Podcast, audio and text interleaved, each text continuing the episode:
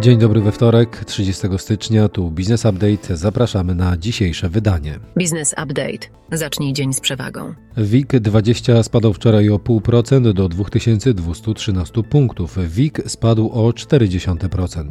Najmocniej wśród blue chipów rósł Orlen o 2,1%. Najwięcej stracił Polsat 1,7%. W poniedziałek nieco umocnił się dolar do 4 zł i 3 groszy. Ropa taniała o około około 1,5%. Główna waluta cyfrowa umacniała się o kolejne 3% do 43 tysięcy dolarów. Gospodarka i makroekonomia. Ministerstwo Rozwoju i Technologii poinformowało, że do dyspozycji gmin jest ponad pół miliarda złotych środków pomocowych na budowę mieszkań komunalnych, chronionych czy też TBS-ów i SIM-ów. Środki te pochodzą z KPO. Będą one przyznawane w formie grantów i mogą stanowić do 15% wartości realizowanej inwestycji. Warunkiem jest, że mieszkania nie będą zużywały więcej niż 52 kWh na metr kwadratowy rocznie energii nieodnawialnej pierwotnej. Jednocześnie resort funduszy wskazał, że trwają starania, aby środki z KPO popłynęły do Polski szybciej. Minister cyfryzacji powołał zespół do spraw wykorzystania sztucznej inteligencji. Jego zadaniem będzie m.in. wsparcie rządu w wykorzystaniu najnowszych zdobyczy technologii w usprawnieniu państwa. Ma również powstać specjalny fundusz rozwoju AI, a środki na niego mają zostać wygospodarowane z zakładanej noweli budżetu.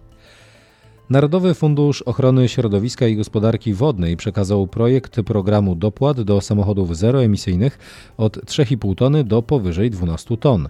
Program ma mieć wartość około miliarda złotych, a o dopłatę będzie można wnioskować od tego roku do 2028 roku lub do wyczerpania środków. Projekt jest obecnie w fazie konsultacyjnej. Przenosimy się za granicę. Prezydent Francji zaakceptował ustawę migracyjną w znacznie bardziej liberalnej formie. Środowiska prawicowe domagają się referendum, podnosząc, że jest ona niezgodna z wolą społeczeństwa. Z pierwotnego projektu usunięto 35 artykułów. Dokonała tego Rada Konstytucyjna.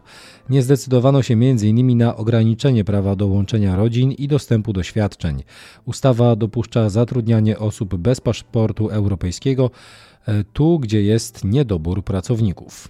I zostajemy jeszcze nad Sekwaną, bo to francuski rząd wycofuje się z podwyżki podatków od paliwa oraz grzywien nakładanych na firmy unikające zasad negocjacji cenowych. Jest to spowodowane silnymi protestami rolników. Rolnicy uznają, że zmiany są niewystarczające i zapowiadają dalsze blokady dróg. Ich główne postulaty obejmują podniesienie ceny w skupach, ochronę przed konkurencją z importu czy przed wzrostem kosztów. A teraz y, ciekawe doniesienia z Holandii. Otóż włodarze Amsterdamu chcą zalegalizowania kokainy. Według ich opinii jest ona mniej szkodliwa niż alkohol, a walka z tym rynkiem zajmuje mnóstwo czasu policji, natomiast spożycie jest szerokie. Sprzeciwiają się temu rządzący innymi dużymi miastami w Holandii. Grecja znacząco poprawiła kondycję finansów publicznych, co doprowadziło do zmniejszenia długu publicznego do nieco ponad 165% PKB. Jeszcze 2,5 roku temu było to 210% PKB. A to zmniejszenie długu było możliwe dzięki szybkiemu wzrostowi PKB około 5% oraz znacznemu ograniczeniu deficytu do 0% w 2022 roku. Unia Europejska przyjmie tzw. Tak plan Matei, który ma na celu stworzenie nowego strategicznego partnerstwa z krajami afrykańskimi. Będzie on omawiany na szczycie Afryka-Europa we Włoszech. Informacje biznesowe. Dzisiejsze wydanie parkietu y, zajmuje się handlowymi niedzielami. Jak się okazuje, polscy przedsiębiorcy są w kwestii powrotu pełnego handlu w niedzielę podzieleni. Jak powiedział parkietowi prezes Rosmana Marcin Grabara, nie cieszymy się z handlowych niedziel, my do nich dokładamy. Grabara wskazuje wręcz, że w ten dzień nikt nie chce pracować, nawet gdy płacona jest za to podwójna stawka. O zniesienie zakazu handlu apelują natomiast centra handlowe. W ich imieniu dla parkietu wypowiedziała się Magdalena Hachulska, dyrektor operacyjna Neinwer w Polsce. Wskazała, że to właśnie niedziele handlowe są zaraz po sobotach dniami, w których frekwencja konsumencka jest najwyższa. Polska Rada Centrów Handlowych wylicza, że całkowite zniesienie zakazu handlu w niedzielę oznaczać będzie zwiększenie obrotu handlu o 4%. Enea informuje, że minister aktywów odwołał członka Rady Nadzorczej, natomiast na dziś zaplanowane, zaplanowane jest nadzwyczajne walne zgromadzenie, podczas którego wyrażona ma zostać zgoda na złożenie pozwów przeciwko poprzednim członkom zarządu. Wciąż waży się kwestia sprzedaży kopalni Bogdanka do Skarbu Państwa. PGE zakończyła testy na utratę wartości rzeczowych aktywów w segmencie energetyka konwencjonalna. Wynik finansowy brutto grupy za poprzedni rok obniżył się tym samym o około 8,5 miliarda złotych, a wynik jednostkowy brutto PGE o około 12 miliardów złotych. Rafał Brzoska, założyciel Inpostu, został przewodniczącym nowo powstałej Polskiej Rady Przedsiębiorców. Rada w swoich założeniach ma zrzeszać największych polskich przedsiębiorców. Wśród dziesięciu kluczowych obszarów jej działania są natomiast m.in. przewidywalność i klarowność polskiego prawa, sprawiedliwy i łatwy do zrozumienia system podatkowy, współpraca i dialog biznesu oraz rządu oraz dialog biznesu i społeczeństwa, zielona energia i elektromobilność, a także smart immigration. Satref, startup kosmiczny z Wrocławia, wspierany przez JR Holding, zawiązał spółkę joint venture Spacers, która powstała w kooperacji z rządem Omanu. Celem przedsięwzięcia jest produkcja i wynoszenie satelitów w przestrzeń kosmiczną. Szwedzka Catella, działająca w branży nieruchomości, do swojego polskiego portfela dodała jeden wynajęty już w pełni budynek z ponad 190 mieszkaniami w Warszawie. Obecnie jest w trakcie budowy kolejnego na 100 mieszkań. Jak donosi Puls Biznesu, firma szuka w Polsce wspólników, szczególnie w niszy nieruchomości magazynowych. Grupa KDW, stojąca za najbardziej znanym berlińskim domem towarowym, ogłosiła upadłość. Poważne problemy mają także Alsterhaus z Hamburga i Oberpolinger z Monachium. Powodem są wysokie czynsze. Sąd w Hongkongu zdecydował o postawieniu chińskiego dewelopera Evergrande Group w stan likwidacji. Evergrande to obecnie najbardziej zadłużony deweloper na świecie. Na koniec czerwca 2023 długi firmy przekroczyły 328 miliardów dolarów. Duże firmy farmaceutyczne takie jak Bristol Myers Squibb, Merck oraz Johnson Johnson stoją w obliczu ogromnych problemów, które związane będą z wygaśnięciem patentów na główne produkty tych firm, opisuje CNBC. Wygaśnięcie patentów otwiera konkurentom drzwi do sprzedaży podróbek leków, często po niższej cenie. Jak wskazuje badanie firmy Gallup, niezadowoleni pracownicy w ubiegłym roku kosztowali amerykańskie firmy szacunkowo prawie 2 biliony dolarów utraconej produktywności. Fuzje i przejęcia, inwestycje i venture capital. Grupa PZU przejęła od Orlenu Polski Gaz Towarzystwo Ubezpieczeń Wzajemnych oraz Polski Gaz Towarzystwo Ubezpieczeń Wzajemnych na życie. Konsolidacja dla PZU będzie oznaczać poszerzenie oferty w sektorze ubezpieczeń wzajemnych. Prezesem dwóch opisywanych tuwów został Rafał Kiliński, dotychczasowy prezes TUW Polskiego Zakładu Ubezpieczeń Wzajemnych. Grupa Abris w tym roku planuje sfinalizować więcej transakcji niż w latach ubiegłych, donosi Puls Biznesu. Przyczynkiem do zwiększenia przychodów oprócz tego ma być także działalność ScanMedu, medycznego giganta, którego Abris ma w swoim portfelu. Dane PitchBook wskazują, że w 2023 roku wartość globalnych fuzji i przejęć spadła o prawie 16% do 3 bilionów dolarów.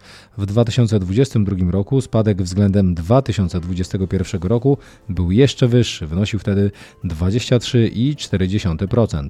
Analitycy przewidują, że w tym roku w końcu nastąpi delikatne odbicie negatywnego trendu. Brytyjski organ antymonopolowy wszczął dochodzenie w sprawie fuzji wartej 19 miliardów dolarów pomiędzy Vodafone a Free UK. Free UK to firma należąca do CK Hutchinson. W jej wyniku powstałby największy brytyjski operator komórkowy.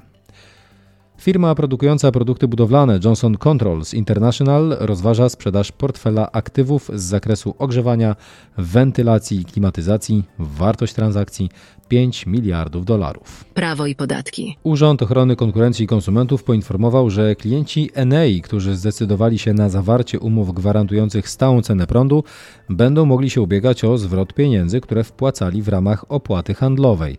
Enea wycofała się z oferowania umów gwarantujących całą, stałą cenę prądu w czerwcu 2021 roku. Wniosek o rekompensatę konsumenci będą mogli składać w ciągu trzech miesięcy od momentu, gdy spółka indywidualnie powiadomi ich o decyzji prezesa UOKiK.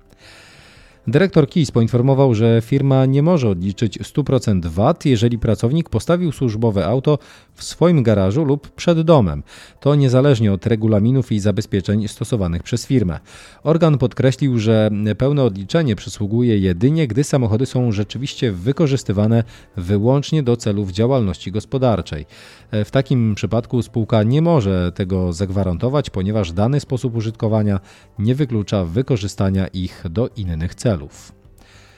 Dyrektor KIS poinformował, że wykonując usługi na rzecz zagranicznego kontrahenta nie posiadającego w Polsce swojej siedziby ani stałego miejsca prowadzenia działalności gospodarczej, nie trzeba na fakturach wskazywać polskiego VAT. W takim przypadku zastosować należy ogólne zasady ustalania miejsca świadczenia usługi zgodnie z artykułem 28b ustawy o VAT. W związku z tym rozładunek nie będzie w Polsce opodatkowany. I jeszcze jedna informacja od dyrektora KIS, tym razem o tym, że przedsiębiorca, który oczekując na przyznanie emerytury zapłacił składki ZUS i potem je odzyskał, nie może skorzystać z ulgi dla seniora. Organ wskazał, że emeryci, którzy nadal prowadzą działalność gospodarczą, podlegają dobrowolnie ubezpieczeniom społecznym. W tym zakresie podejmują więc wybór i biorą na siebie związane z tym konsekwencje. E, teraz e, prawo europejskie. Otóż CUE orzekł, że nie można od podatnika wymagać, aby w celu odliczenia VAT przeprowadzał on dogłębną i kompleksową weryfikację swojego dostawcy. Trybunał zaznaczył, że podatnik nie ma ani obowiązku, ani narzędzi do prowadzenia kontroli u swoich kontrahentów. Poprawność rozliczeń dostawców towarów powinien badać fiskus. TSUE orzekł, że sama utrata kontroli nad danymi osobowymi nie jest równoznaczna z koniecznością wypłaty odszkodowania. Do tego niezbędne jest jeszcze, aby dostęp do nich uzyskała osoba postronna. Najnowszy wyrok Trybunału w znaczący sposób ogranicza więc odpowiedzialność administratora w przypadku utraty kontroli nad danymi. Komisja Europejska wszczęła przeciwko Polsce i ośmiu innym państwom członkowskim postępowanie naruszeniowe za niewdrożenie w terminie unijnej dyrektywy wprowadzającej 15% podatek minimalny od międzynarodowych koncernów.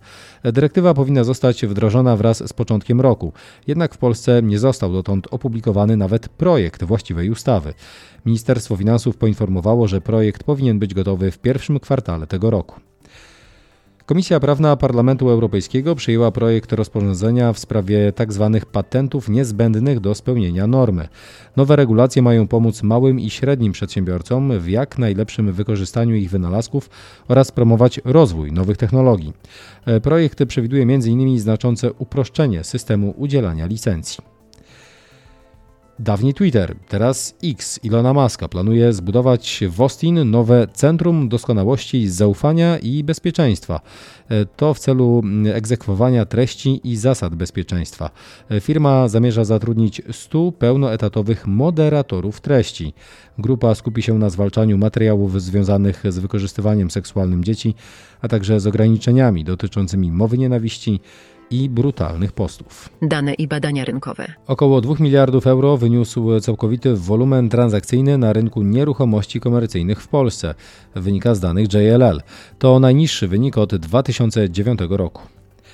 Wzmożona presja regulacyjna związana z ESG będzie w dużej mierze kształtować polski rynek nieruchomości komercyjnych w tym roku, przekonuje w raporcie firma doradcza Cushman Wakefield. Blisko 3 czwarte ankietowanych Polaków regularnie korzysta z płatności bezgotówkowych, wynika z raportu FISREF Polska. Wpływ sztucznej inteligencji na tempo wzrostu gospodarczego może być większy niż wynalezienie maszyny parowej, elektryczności czy mikroprocesora, tak prognozuje Credit Agricole Bank Polska.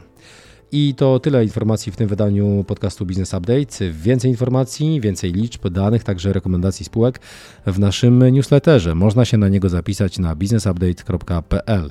Efektywnego dnia, do usłyszenia, bywajcie.